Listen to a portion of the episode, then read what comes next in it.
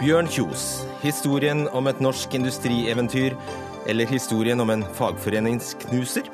Norwegian-sjefen har vært høyt og lavt, og i kveld er han hos oss i Dagsnytt 18. En softis med strø, en ostepølse og en Red Bull fra Shell-stasjonen på Kongsberg. First House sendte regningen til Telemark fylkeskommune, som lot skattebetalerne punge ut. Er utmattelsessykdommen ME fysisk eller psykisk? ME bør behandles med psykolog, sier en lege. En annen mener ME bør behandles med cellegift. En fløy av VG skrev artikkel om en flodbølge betalt av nordisk film. Det var ikke opplagt for leserne at de leste reklame, mener PFU, og kritiserer VG.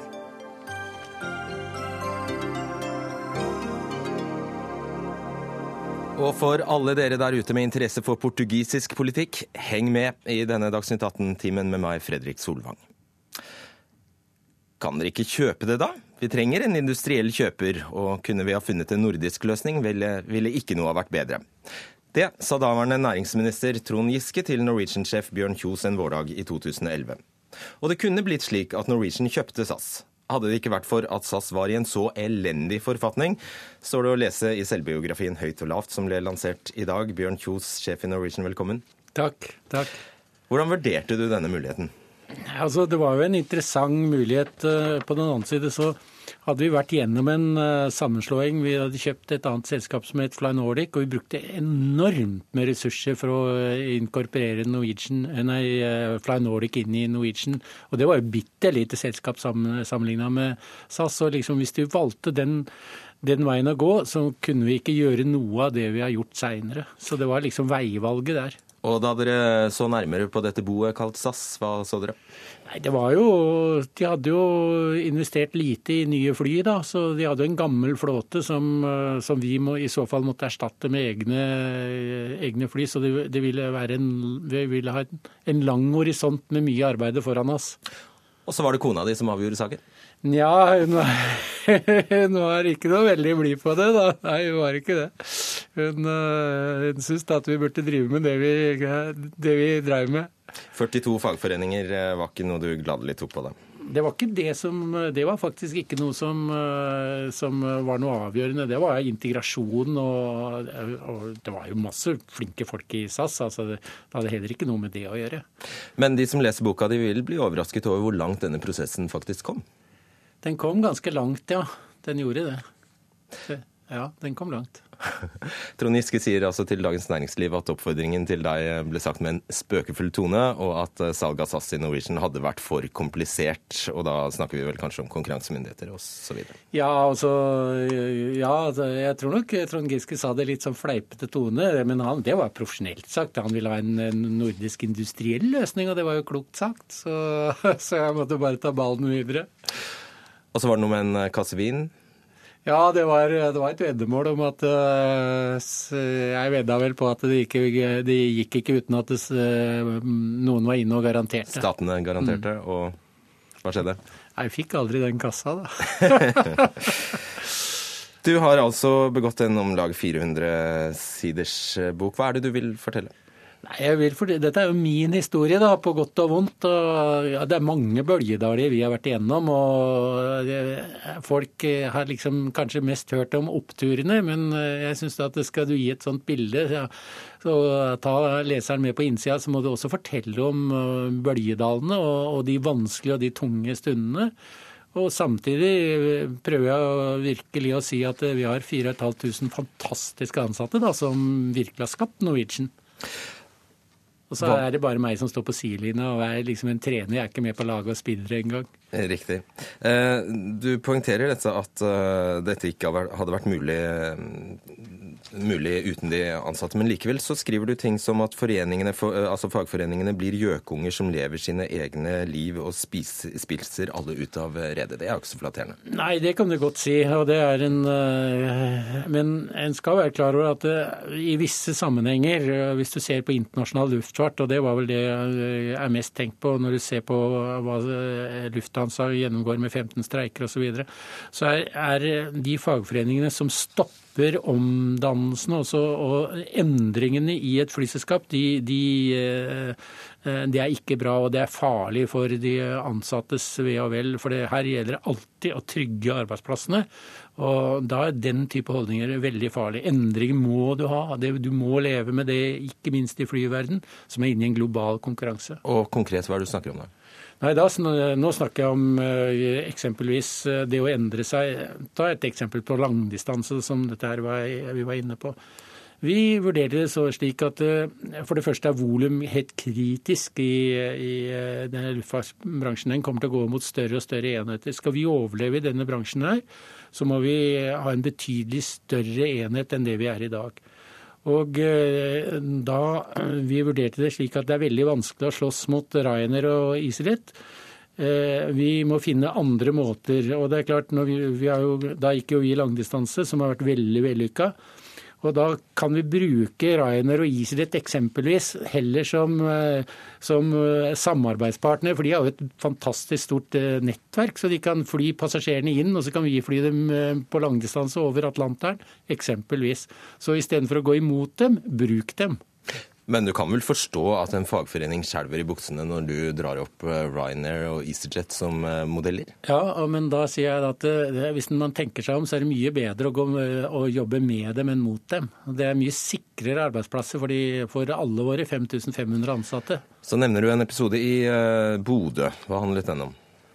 Eh, ja, den handlet om eh, egentlig eh, Jeg tror ikke det er kjent egentlig for, før jeg har skrevet om det for de Norwegian-ansatte. Det var en gruppe på en fire-fem stykker som reiste til Bodø for å stoppe langdistansesatsingen vår. Og, altså flygere? Ja, det var piloter. og stikk i strid med den, eh, den, eh, strategien som var vedtatt og utforma altså av styre og administrasjon. Og da går man på tvers av liksom det som vi tror skal berge og sikre de ansatte jobbene. Og I sånne situasjoner så er ikke du nådig, du kaller dem korsfarere.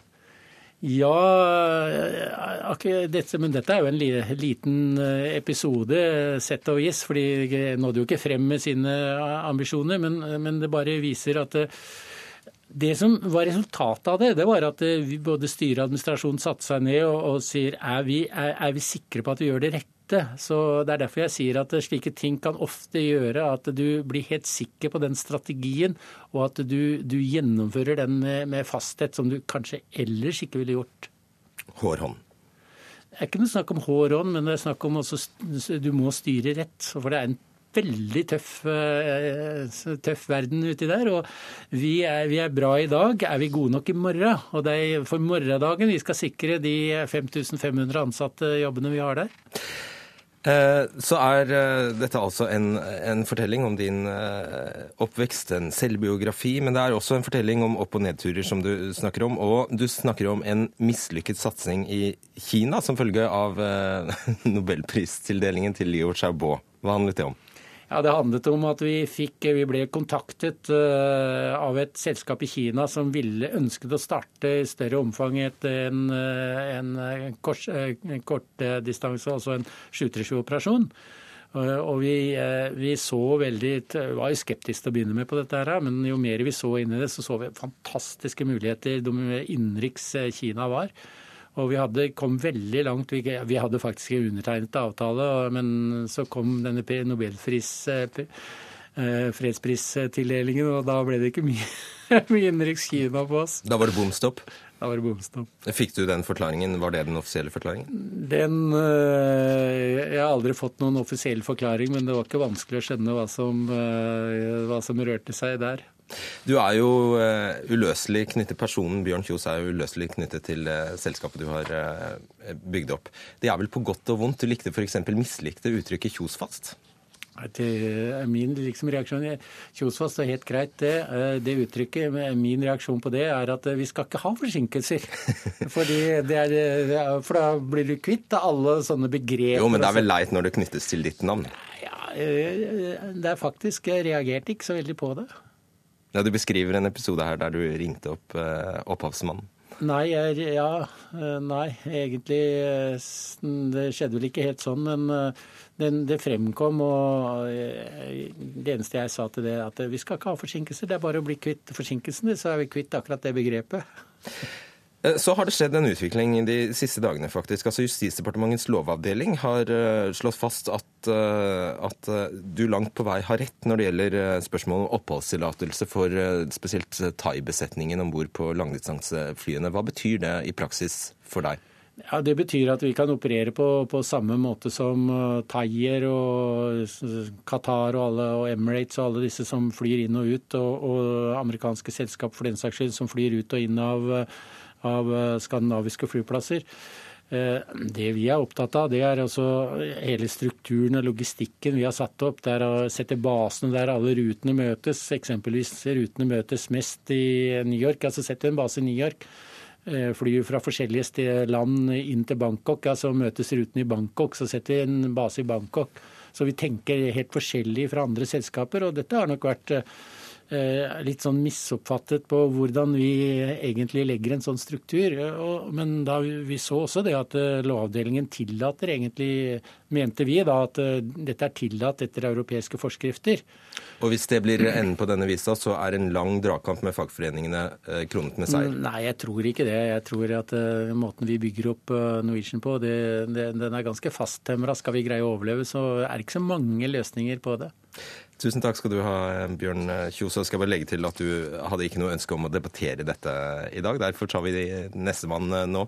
Det er deg Takk skal du ha. Det er deg, Vegard Einan. Du er nestleder i arbeidstakerorganisasjonen Parat og er med oss fra Minde i Bergen. Hva tenker du om det du har hørt her?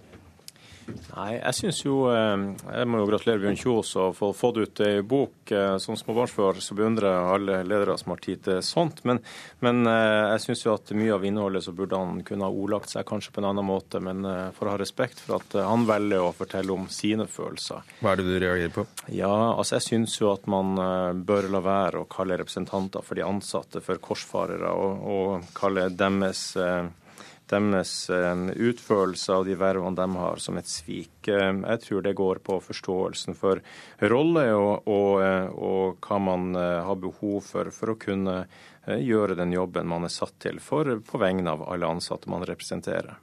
Ta tak i denne episoden fra Bodø som blir beskrevet i boka, der altså fire, ifølge Kjos tillitsvalgte i selskapet, reiser til Luftfartstilsynet for å påvirke tilsynet eh, til å nekte Norwegian å starte disse langdistanserutene med utenlandsk besetning. Det er passe illojalt, vel?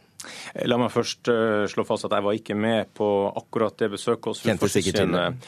Uh, men når det kommer til dialog med Luftfartstilsynet, så er det noe vi har hyppig og har ofte. Og, det møtet som, som, var i Bodø, var ett av dem. Fordi at Luftfartstilsynet luftfart er lov, lovtolker og rådgiver i alle spørsmål som angår lover og regler innenfor luftfart. Uh, og pilotene er individuelt ansvarlige for flygninga når den skal gjennomføres, for at lova følges, og at de forstår det lovverket som er, er gitt.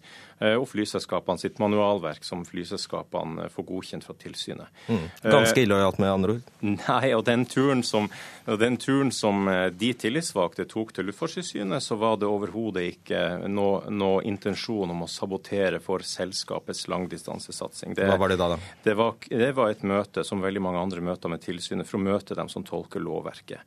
For å småprate med dem, eller hva? Nei, man møtte ikke myndigheter for å småprate med dem, men å få klarhet i hvilke lover som gjelder. Men jeg syns det å betegne sånne, sånne uh, møter som et svik, uh, kanskje tyder på at man ikke har en uh, god nok dialog, åpenbart, med sine ansatte, og burde ha større, større, større kultur for å snakke i lag internt i selskapet, i stedet for i bøker eller i meklings, meklingsrom eller i arbeidsretten. Har du tenkt å lese boka?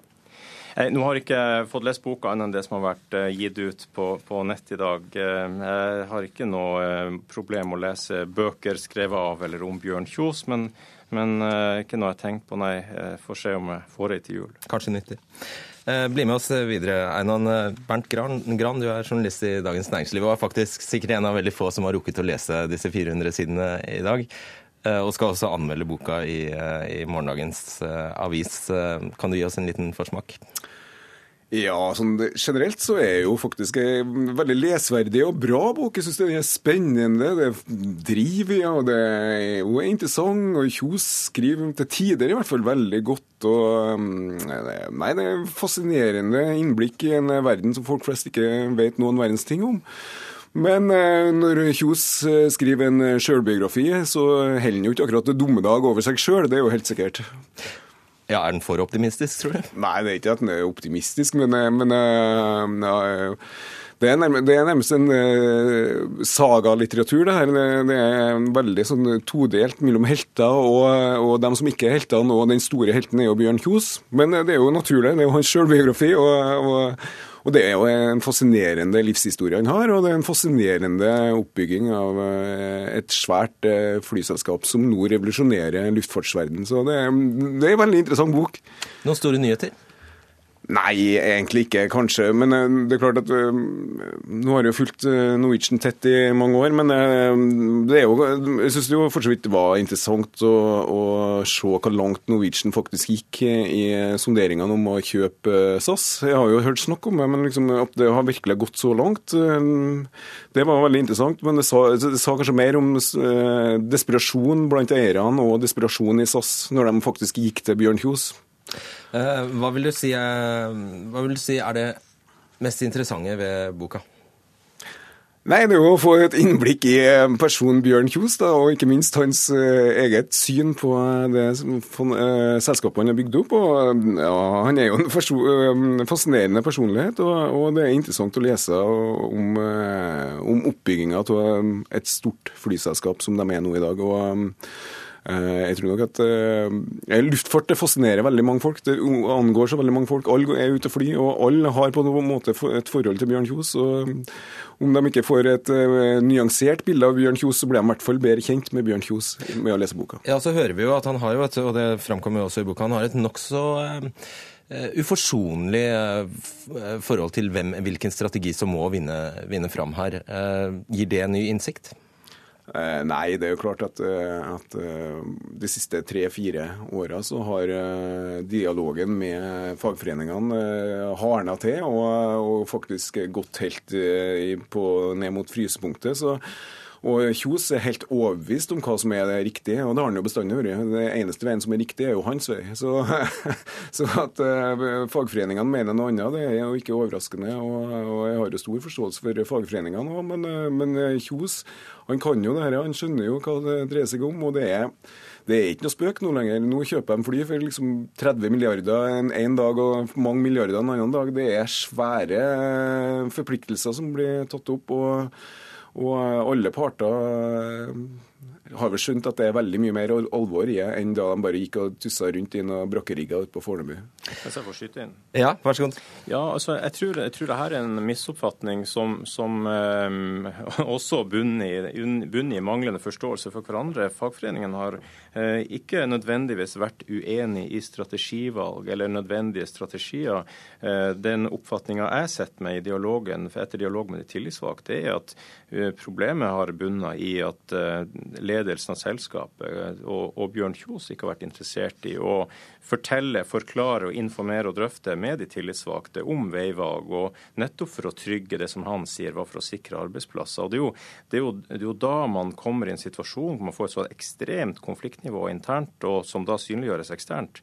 Eh, når arbeidsgiver og arbeidstaker er, er så distansert mm. fra, fra, hverandre i oppfatninga og, og, forståelsen av rollene. To år fra deg, eh, Einan, på dette vi så vidt var innom at Justisdepartementets lovavdeling altså nå mer eller mindre har gitt Norwegian rett i at uh, det thailandske crewet ikke trenger oppholdstillatelse for å fly disse inn og ut av Norge fra, fra Østen. Det er vel et, det man vil kunne kalle et rent tap for dere? Nei, jeg vil ikke si det. fordi at det, For det første så har ikke Lovavdelinga sagt enten-eller. Lovavdelinga har sagt at begge deler er mulig, men etter den norske utlendingsforskrifta så er det ikke lovlig. Eh, jeg håper jo... Men så er det EUs grenseforordning som trumfer Som ikke står over norsk lov, sier, sier Lovavdelinga. Men jeg tror hadde, vi hadde en god dialog med selskapet internt mellom de ansatte og ledelsen, så hadde man aldri kommet opp i denne situasjonen. Det er helt overbevist om. og Dette kom som et resultat av manglende dialog. og Jeg håper at Bjørn Kjos tar et, bedre, tar et initiativ og tar imot vårt initiativ og utstrakt ha om bedre dialog i selskapet framover, for det må vi få til. Gran, hva er prognosene for Norwegian framover? Nei, Det er jo veldig avhengig av eh, konjunkturene rundt i verden. Men, eh, men, eh, de satser jo friskest av samtlige flyselskap i hele verden. Altså, det er jo utrolig spennende å følge med på det de driver på med. Så nei, prognosen er god. Og dette var en lesverdig bok, eller? Ja, absolutt. absolutt. I hvert fall første to tredjedeler av boka er veldig bra. Takk skal du ha, Bernt Gran, og takk også til deg, Vegard Einan. Dagsnytt 18 alle hverdager kl 18.00 på NRK P2 og NRK2. 23. april i fjor var det duket for festlig lag da en rekke First House-representanter spiste og drakk for 13 000 kroner på Lofoten fiskerestaurant i Oslo. Jeg tror de var ni stykker. Og etterpå ble regningen sendt til Telemark fylkeskommune, som i snart tre år har benyttet seg av First House-tjenester, bl.a. for å skape flere arbeidsplasser i fylket. Nå viser det seg at First House også har fakturert fylkeskommunen for bensinstasjonskjøp, har vi i NRK kunnet fortelle i dag. Sven Tore Løksli, du er nyvalgt fylkesordfører i Telemark for eh, Arbeiderpartiet. Ja, På denne lista over ting First House altså har fakturert dere, så står, eh, så står altså eh, middager og drikkevarer og småsnacks, en Red Bull på en bensinstasjon. Hvordan, hva er det dere holder på med? Er du der? Nei, det som jeg holder på med i Telemark, det er å ja. Hallo? Bare fortsett. Det er veldig forsinkelse her. Bare fortsett.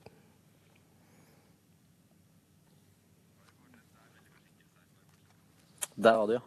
Nei, Det som jeg holder på med i Telemark, det er å markedsføre fylket. Og vi har da et, et prosjekt som heter Invest in Telemark. Der vi har en avtale med eh, bl.a. First House om, eh, som koster oss eh, 3 millioner kroner for fylkeskommunen i, i, løpet av tre år. Der hele greia handler om å selge Telemark. På en litt utradisjonell måte. Det å markedsføre Telemark og profilere det fylket og mulighetene som ligger her, til store internasjonale aktører. Nettopp med tanke på å få næringsutvikling og få ø, arbeidsplasser til fylket vårt. Mange... Så det, det, som vi kjøper, og det som vi har ø, fått av, ø, av First House og gjennom Invest i Telemark, det er, det er, et nettverk og ikke minst en eh, kontakt med store næringsetableringer. Ja, Hun blir litt smågal av denne forsinkelsen, så jeg tror vi ringer deg opp rett og slett og går til deg, gruppeleder for Venstre i Oslo, Guri Melby. Ja, her blir altså skattebetalernes penger brukt til å finansiere snacks og softis og Red Bull. Er det ålreit? Eh, nei, det er ikke ålreit. Eh, nå må jeg ta et lite forbehold om at det er litt uklart for meg akkurat hva det oppdraget til First House har gått ut på. Men det, vir ja, det virker i hvert fall som at en del av virksomheten har gått ut på å påvirke andre politikere, altså drive eh, god gammeldags lobbyvirksomhet, som jo ikke er så uvanlig når du skal, om det, du skal få et veiprosjekt eller nye arbeidsplasser eller noen sånne ting. Og jeg mener jo at det egentlig er ganske absurd at ett offentlig forvaltningsnivå skal bruke offentlige penger på å påvirke et annet offentlig forvaltningsnivå. Og jeg mener at vi har helt andre måter å nå fram med våre budskap på. Og, Akkurat som en rekke kommuner gjør. Ja, ikke sant. Og um, politikeren fra Telemark her snakker jo om det med nettverk. Nå tror jeg den tidligere fylkesordføreren i Telemark, eh, Terje Riis-Johansen, var en eks-statsråd som burde ha gått med nettverk, og også burde vite godt hvordan han kan påvirke andre politikere. Og så, min erfaring er at stortingspolitikerne egentlig er ganske lett tilgjengelig for oss lokalpolitikere rundt omkring. Telefonnumrene deres ligger stort sett ute på nett, og det, det er lett å få tilgang på dem.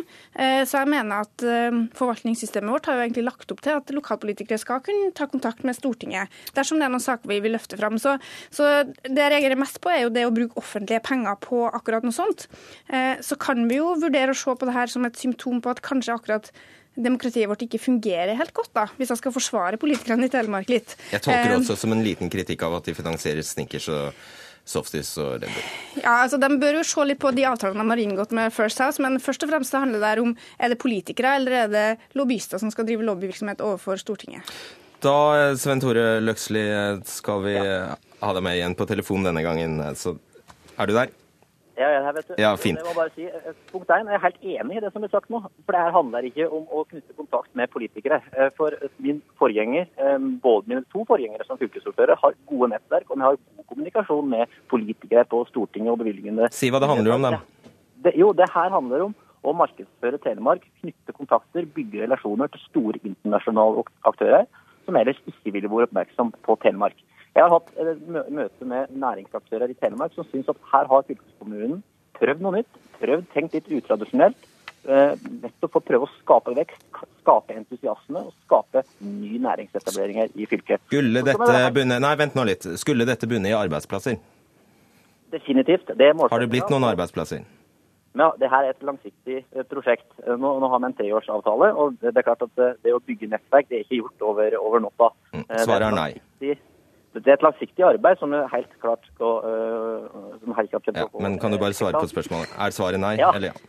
Nei, nei, vi har eksempel på vi har noe som heter Telemark Online, for eksempel, der vi har flere bedrifter som har økt omsetninga, som har fått nådd ut til nye markeder, som gjør at vi har effekt av det. Men vi må være helt tydelige på at det, det har eh, ikke innfridd den forventningen som jeg hadde ønska. Det, det var et langt nei, følte du sa til slutt at det har ikke ført til nye arbeidsplasser. i Melby. Ja, eh, Det er godt mulig at det å knytte internasjonale kontakter har vært en del av dette prosjektet. Men eh, det som programlederen viste innledningsvis med Lofoten fiskerestaurant, så forsto jeg det sånn at bl.a. statssekretær Bård Hoksrud var en av deltakerne.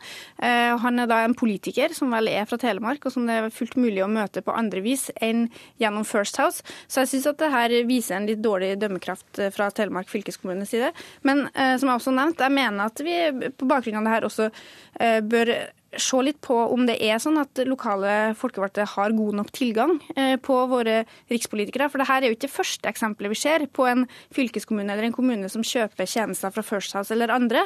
Eh, og jeg mener at det er viktig at vi sikrer at lokalpolitikere har god mulighet til å påvirke sentrale folkevalgte. Ja, Løksli, eh, denne middagen på Lofoten, Lofoten fiskerestaurant, regningen der kom altså på 13 142 kroner. Og hvis det var ni stykker til stede, deriblant Bård Hoksrud, så er jo det alt annet enn en småutgift. Hvor går grensen din, egentlig?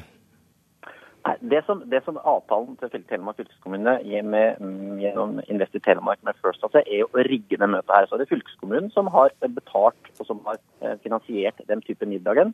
Nettopp for å knytte eh, relasjoner og få dem til bords for å få dem til, til å etablere seg i Telemark. Så, så, er jeg helt enig i at det som har kommet i dag, har vært, noe, har vært støy. Men samtidig så viser det her den åpenheten som vi har. Vi har ingenting å skjule. det skulle jo bare mangle. Definitivt, og det viser jo akkurat Du kan ikke skryte av det. At, at, åpenheten rundt hver eneste kvittering er tilgjengelig.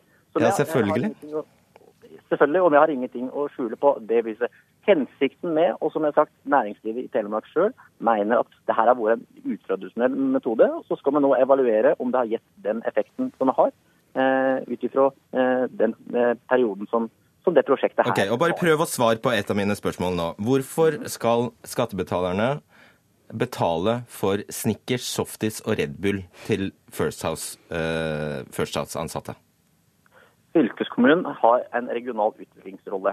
Det handler om å skaffe arbeidsplasser, det handler om å utvikle Telemark. Det gjør vi gjennom relasjonsbygging, nettverksbygging. Da er middag og relasjoner og, og, og uh, drikke for å, for å for å få til en relasjon. for å få ja, til Nå spurte jeg om Snickers, Softis og Red Bull.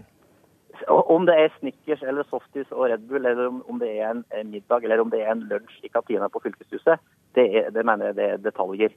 Poenget er å knytte med nettverka, selge Telemark på en offensiv, positiv måte. Så poenget er at det er helt eh, greit. Det skal skattebetalerne finansiere? Skattebetaleren er med på å finansiere den eh, regionale rolla som fylkeskommunen har.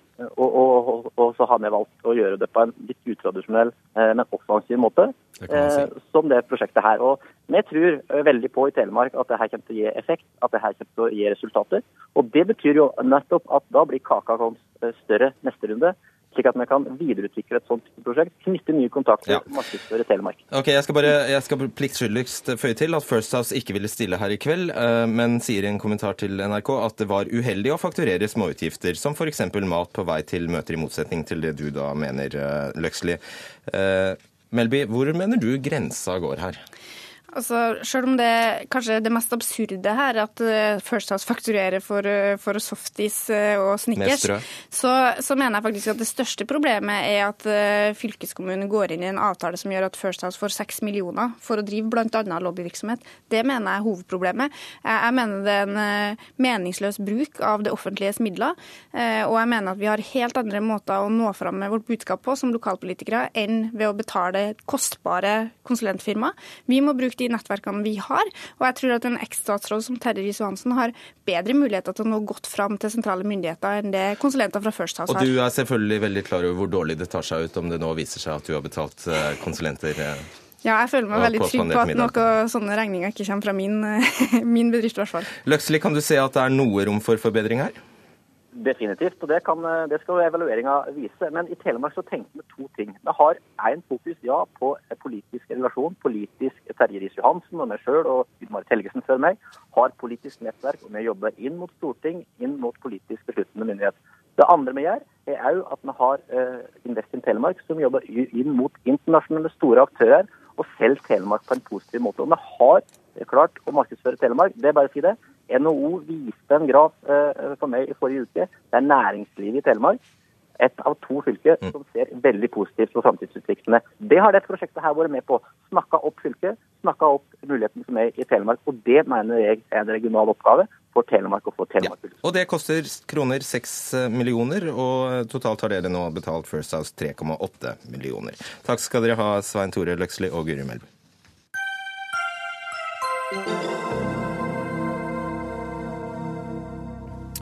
ME, eller kronisk utmattelsessyndrom, rammer stadig flere. Det anslås at mellom 10 og 20 000 nordmenn har diagnosen, og flesteparten er kvinner. Til tross for at stadig flere får sykdommen, er det stor faglig uenighet om hvordan pasientene bør behandles. Og Katarina Lien, du er lege ved ME-senteret ved Ullevål sykehus, som mener faktisk at ME bør behandles som en fysisk sykdom. Hvorfor det? Først vil jeg bare si at jeg er jo her fordi jeg tar en doktorgrad på ME og leder en studie på ME, eh, og uttaler meg sånn sett ikke eh, for MEs, CFS ME-senteret. Bare så det er, det er presisert. Det har vi presisert. Ja. Nei, dette er en kompleks sykdom. En sykdom som vi ikke helt vet hva forårsakes av. Men det er ikke noe tradisjon eller det er ikke noe enighet i Norge i dag om at dette er en psykisk lidelse. Eh, det betyr ikke at ikke man kan ha lettere psykiske lidelser ved siden av ME, men dersom du har alvorlig psykiatri, så er jo det en utelukkelsesdiagnose for ME. Så dette er en sykdom som jeg tenker hører hjemme i medisinen. Kan du bevise det? Nei, det tror jeg ingen kan. Det er ingen som sitter med fasiten på hva ME er per i dag. Og du sier at de fleste mener sånn og sånn, men er det ikke om lag 50-50? Ja? Nei, Ut ifra den eh, veilederen som er laget, eh, en nasjonal veileder for CFS-ME, som er utgitt av Helsedirektoratet, så plasseres ME som, ikke som en fysisk sykdom. Nei, unnskyld, psykisk sykdom. Men hva slags behandling er det som tilbys i dag, da? Nei, Det finnes jo ikke per i dag noen god kur for ME, og det er utfordringen. Så det behandles som en psykisk sykdom? Nei, det vil jeg ikke være enig med deg i. Ok. Vegard Bryn-Willer, du er professor ved Universitetet i Oslo, overlege på barne- og ungdomsklinikken ved Akershus eh, sykehus. Eh, bare ta tak i det siste her. Hvordan behandler vi ME i dag? Det som er best dokumentert av behandling mot ME, det er kognitiv atferdsterapi, som jo er en mental eh, behandlingsform. Eh, og det er vist nå i mange internasjonale studier eh, gjennom mange år at dette er den behandlingsformen som per i dag er den beste. Så hvis det var en fysisk sykdom som gikt f.eks., så nytter jo ikke samtaleterapi akkurat? Ja, altså vi, jo, kognitiv atferdsterapi hjelper mot veldig mange ting. og må, Problemet her er at vi absolutt vil dele dette inn i fysisk eller psykisk. Det mener jeg er en en inndeling som vi må snart se å forlate i medisinen. Det er ikke slik at kroppen kan deles inn i liksom en psykisk avdeling og en fysisk avdeling. Og Vi merker det godt her på utsiden. Vi er begge litt nervøse for å komme inn hit, og det skjer da masse i kroppen. Det Er jo, si, er det en psykisk reaksjon eller er det en fysisk reaksjon, eller er det helt meningsløst å dele opp på den måten? Og Jeg syns mer og mer taler for at ME er en av de sykdommene som i størst grad gjør at dette blir en meningsløs inndeling. For det handler om hvordan hjernen automatisk reagerer på en del ting. Det handler om hvordan hjernen styrer kroppslige prosesser, og hvordan kroppslige prosesser påvirker hjerneprosesser. Så at vi må, må, slutte å snakke om dette her som to sånn separate ting. Sånn, sånn er ikke. La meg bare prøve å forstå hva du mener. Du ja. mener altså at ME-pasientene kan ha lært seg eh, noe feil Altså at, at, alt er slitsomt, f.eks., og, og at løsningen da blir å lære opp hjernen til å eh, reagere mer normalt. Ja, men ikke sant, Hvis du sier lære, så må du si at det er jo noe på helt ubevisst nivå. ikke sant? Det er akkurat som med kroniske smerter har en del av det samme trekkene ved seg. Hvor man kan tenke at smerte i utgangspunktet kommer av en skade. ikke sant? Smerte er en slags alarm om at noe skjer i kroppen. Men så er det noen mennesker som får kroniske smerteplager i etterkant av f.eks. et et beinbrudd. For eksempel.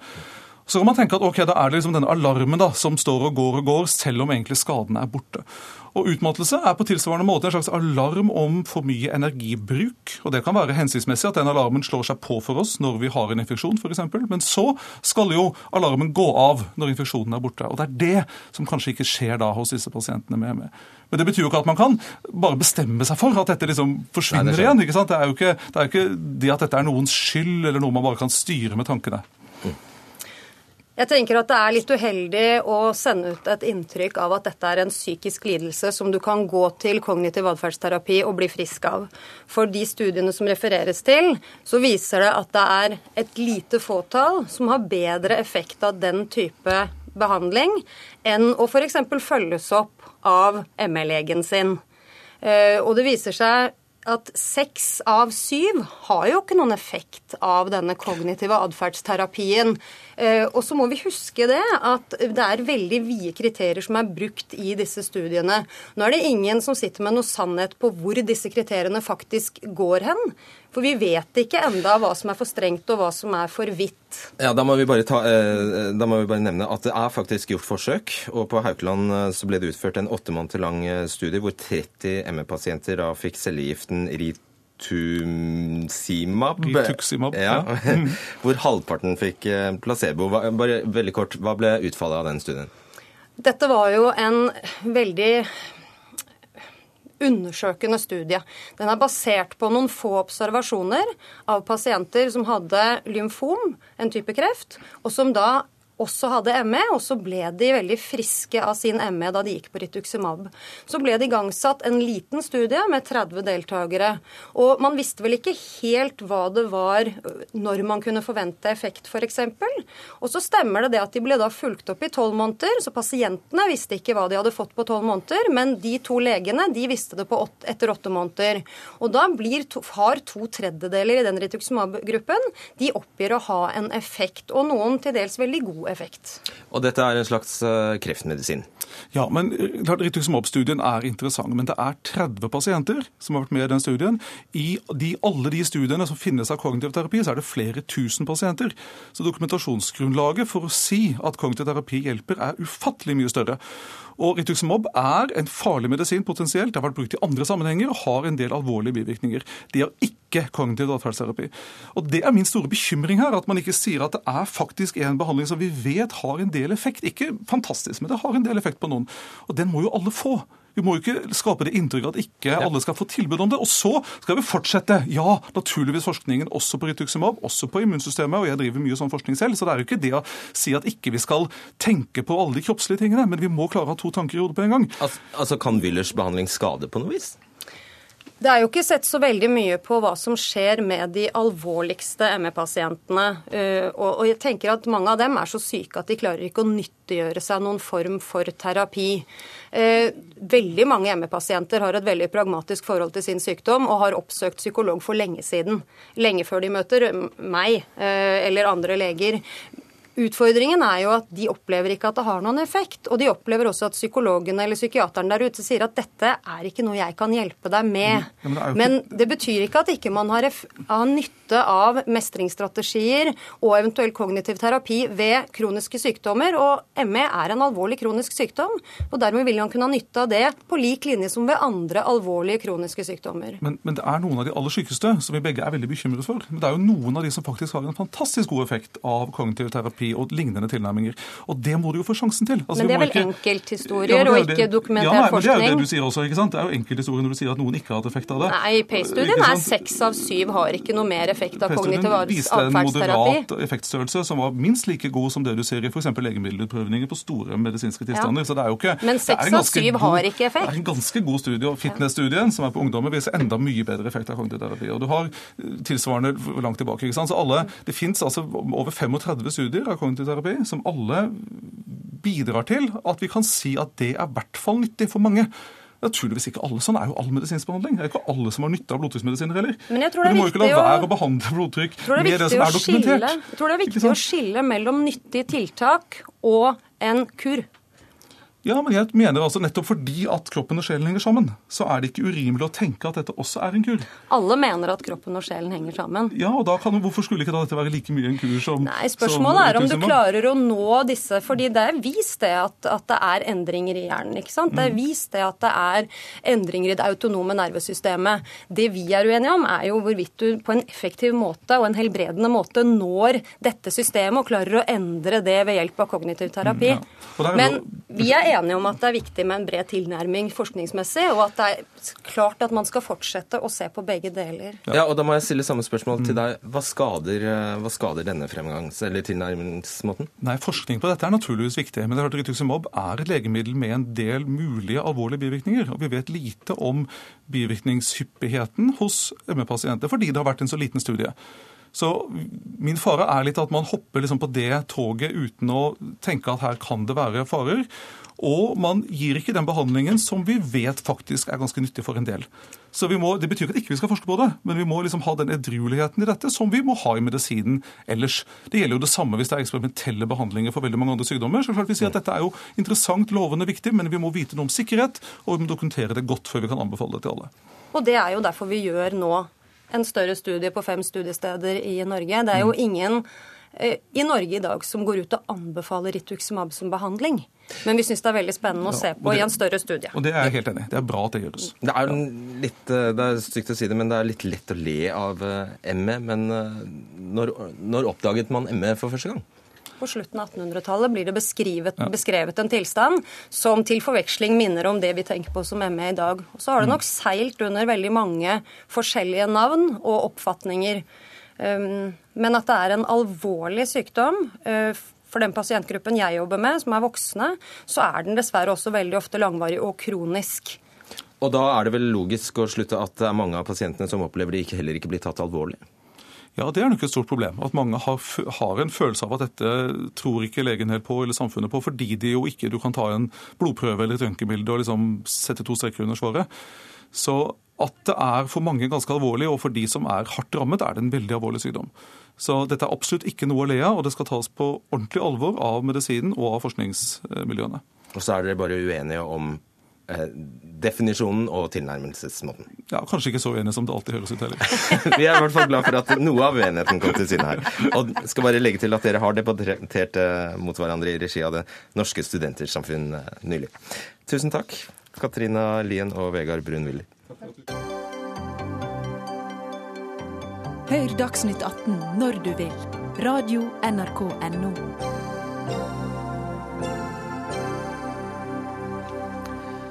Da Portugal avholdt valg 4.10, fikk høyrekoalisjonen Portugal av Frente fornyet tillit med hele 36,8% av stemmene.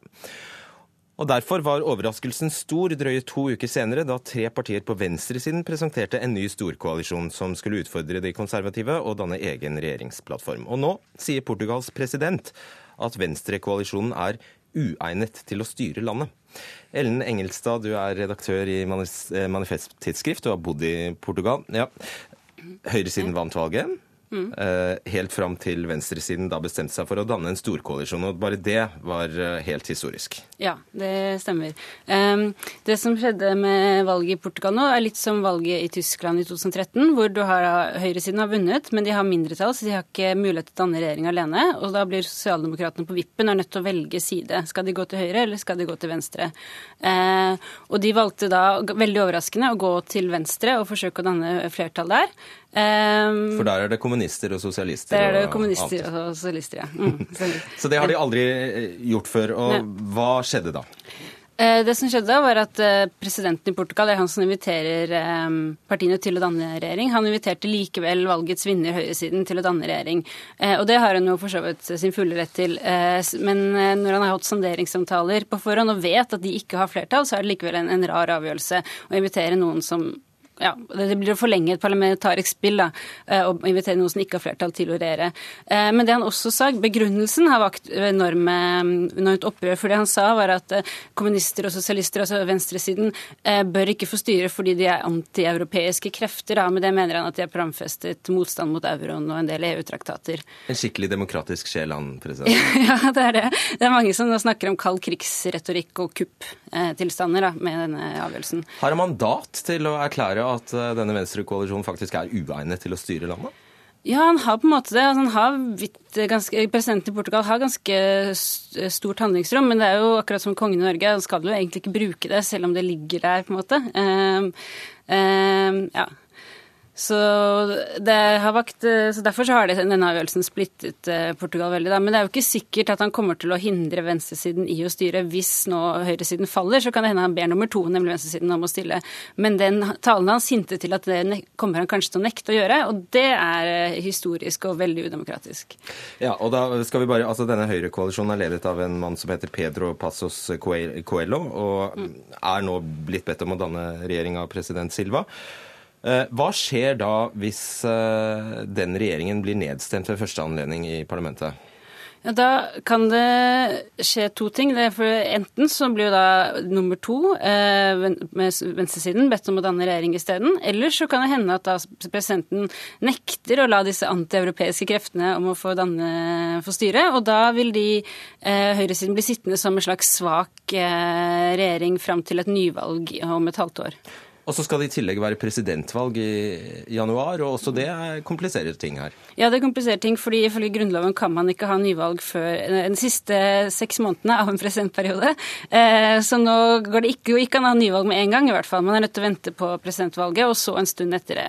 Eh, så nå kan det se ut til at presidentvalget kan bli slags, omtrent en slags folkeavstemning for eller mot Silvas avgjørelse, da. Eh, hvor venstresidens kandidat kan bli Eh, kan bli valgt som en slags eh, reaksjon på at protest. En, protest ja. Mm. Og det som vel jeg ser på de første telegrammene som kom eh, etter, etter valgresultatet var klart, som gikk under radaren da, var at søsterpartiet til Eller det som tilsvarer Syriza i Hellas, gjorde et brakvalg. Mm. Det er altså snakk om uh, Blokk og det mm. Escuerda, mm. noe sånt noe. Eh, hva kan det bety?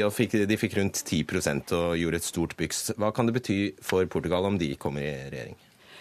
Det ja, det, det, kan bety at, at, landet blir trukket mer til venstre. Da. Eh, Blokk og Diskaude er, er, akkurat som ganske likt enig med Syriza. De er ikke mot eurosamarbeidet og EU per se, men de er, har gått til valg på at de ikke ingen flere ofre for euroen. Så de vil gjerne bli eurosamarbeidet, men ikke til enhver pris. Eh, og, eh, men hvis de skal i regjering med sosialistene, så må de love å ikke utfordre de spørsmålene, da, men uh, forsøke å lage uh, en omfordelende, progressiv politikk på innsiden av å være et lite gjeldstynget land i eurosonen. Og det spillerommet er veldig lite. Så husker vi altså Nellik-revolusjonen i 1974, som, der diktaturet falt dette. Det som skjer nå Det er jo lett å, å mistenke at de, ikke, at, at de, ikke, har lært seg de demokratiske, elementære demokratiske spillereglene på disse årene? Mm, ja, det kan virke sånn. Og det er jo også ganske interessant når da eh, han Kawako Silva, presidenten, sier at eh, siden vi har, vi har, hatt demokrati i 40 år nå, og ingen antieuropeiske krefter har styrt i, eh, på, i, løpet av de 40 årene, men det var jo faktisk venstresida og kommunistene som innførte demokrati ved å felle et fascistisk diktatur i 74. Så, og på en måte mange som stemmer på kommunistene fortsatt fordi de på en måte eh, setter som pris på den jobben de gjorde under Nellik-revolusjonen og ved innføringen av demokratiet i Portugal. Da. Eh, så det gjør det jo dette ekstra sårt, egentlig. Hvordan går det med økonomien i Portugal? Det går dårlig. Det er jo fortsatt finanskrise der, og gjelden er veldig høy, rundt 130% og stigende, som egentlig ikke er bærekraftig. Og i tillegg så er det veldig mye arbeidsledighet, veldig mye eh, jobber med altfor lave lønninger til at det går an å leve av de osv., osv., som gjør at eh, så mye som nesten en halv million unge portugisere har flyttet da, i løpet av de siste fem årene under finanskrisen. Interessant. Vi hører altfor sjelden om Portugal. Takk skal du ha, Ellen Engelstad.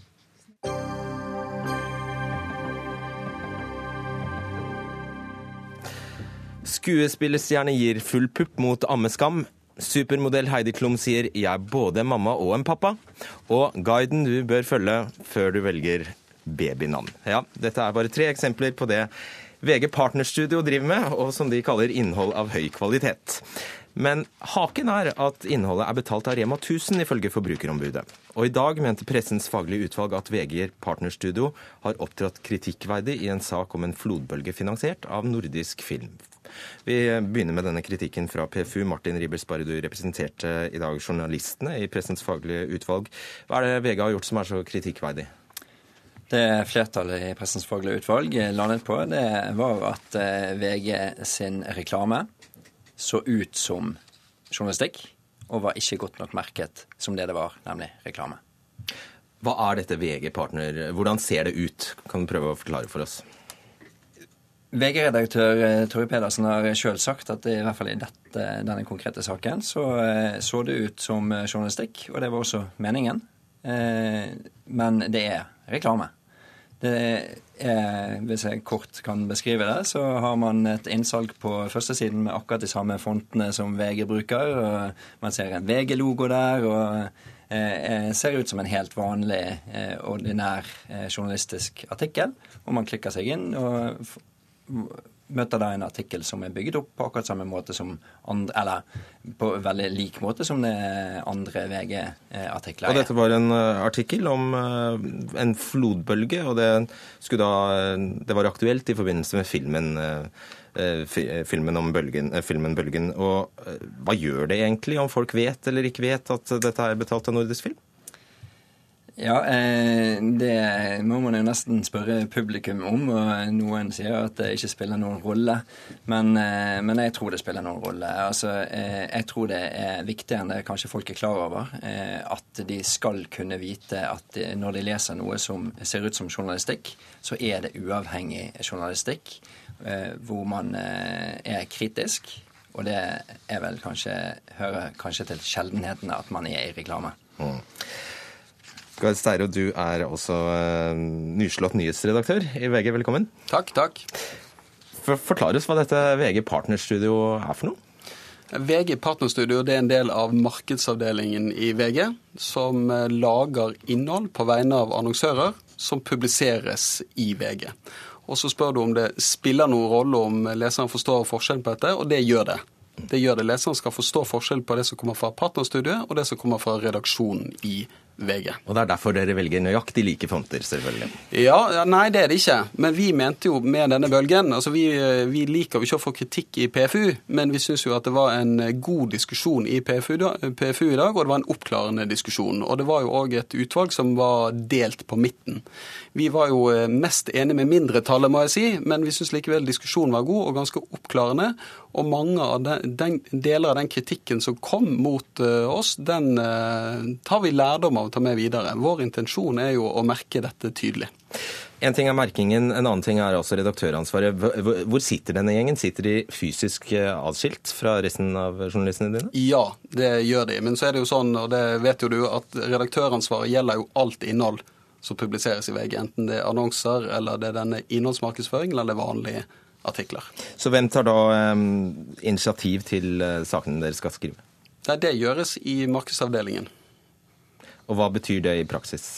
Nei, Det betyr at man, opp, man, opptrer som en del av markedsavdelingen og har møter med kunder og eh, lager dette innholdet og publiserer det i VG uten at redaksjonen har noe med det å gjøre. Så det kan være en annonsør som har ønsket seg en eh, artikkel, og så kommer det på trykk? Nei, det kan være en annonsør som har et, uh, som har et samarbeid med VG, der man lager innhold i, uh, i VG. Men det er jo, dette er jo reklame, og det skal være merket som reklame. Og det skal ikke forveksles med vanlig journalistikk. Det er jo hele poenget. Men ikke så godt at man lar være å klikke på det, vel? Nei, det er jo poenget er jo at folk skal se reklamen. Det gjelder jo all reklame, og de skal også se dette innholdet her. ok. Uh, skal vi se, for Ja, nå har jeg rota litt med her. Forbrukerombud Gry Nergård. Vi går over til en annen sak som altså ikke dreier seg om uh, Bølgen, men uh, som dreier seg om VGs, eh, VG Partnerstudios samarbeid med Rema 1000. VG Familieliv, er det det det heter? Det reagerer dere på. Hvorfor det? Ja, Vi reagerer egentlig på all sammenblanding mellom redaksjonelt stoff og reklame. Eh, mitt anliggende som forbrukerombud er å føre tilsyn med markedsføringsloven, som har et lovbestemt forbud mot eh, skjult reklame, der det står at eh, reklame skal tydelig fremstå som reklame. Og det her er jo heldigvis, eller tilfeldigvis, eller i hvert fall syns vi det er bra, at det samsvarer ganske godt da med pressens egen etiske plattform, Vær varsom-plakaten. Og vi har et langt uh, samspill med pressen i Norge, hvor pressen har tatt seg av sitt, sin egen bransje og håndheva det her forbudet mot skjult reklame i egne, egne rekker. Men nå er det jo dukka opp så mange ulike nyanser her med innholdsmarkedsføring og hva man nå kaller det alt sammen, som gjør at grensene for når det er først og fremst et tilfelle som ramler inn under pressens eget etiske regelverk, og hva som vi er nødt til å ta tak i etter markedsføringsloven, begynner å bli litt utviska.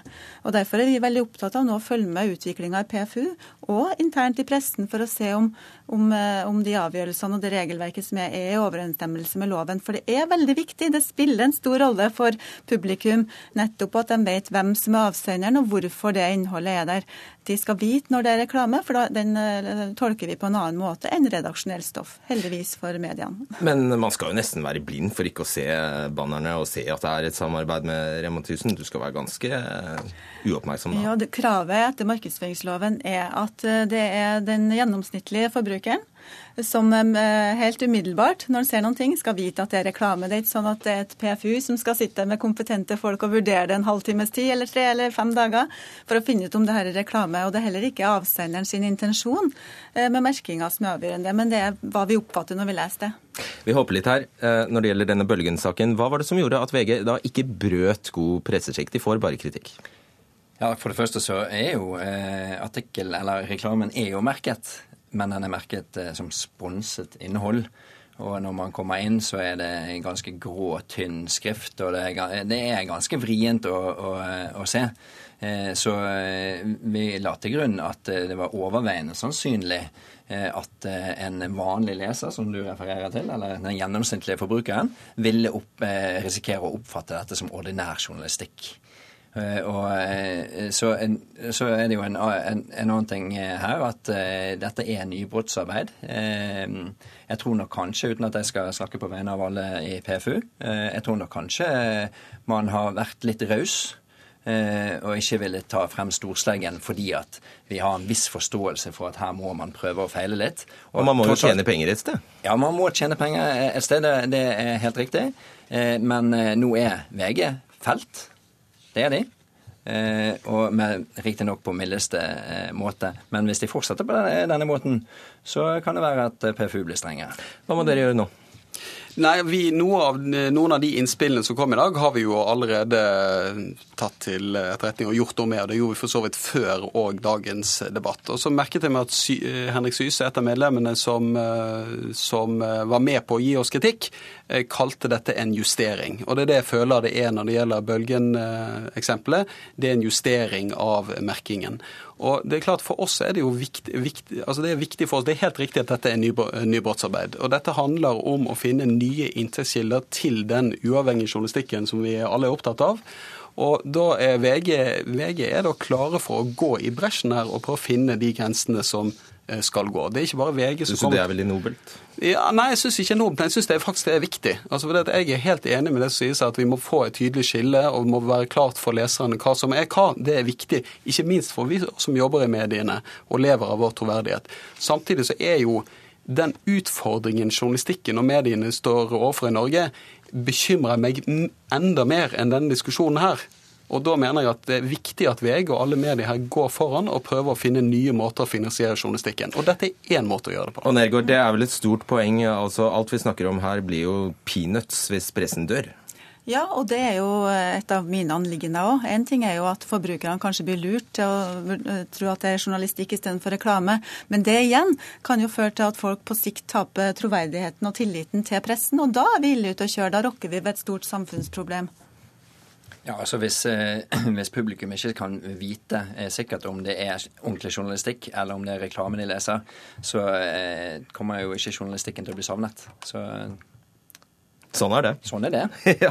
Takk skal dere ha, Gard Seiro, Gry Negård og Martin Ribel Sparre. Og da gjenstår det bare å si at det var Ida Tune Øresland som hadde ansvaret for denne sendingen. I teknikken satt Frode Thorshaug, og i studio Fredrik Solvang.